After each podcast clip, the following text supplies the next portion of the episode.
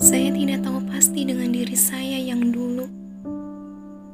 Terlalu pandaikah saya hingga mudah jatuh ke dalam janji yang sangat tidak pantas untuk dipercaya. Saya begitu yakin dengannya. Saya yakin dia akan selalu bersama saya. Yakin bahwa dia tidak akan pergi dari saya. Sama sekali tak ada keraguan.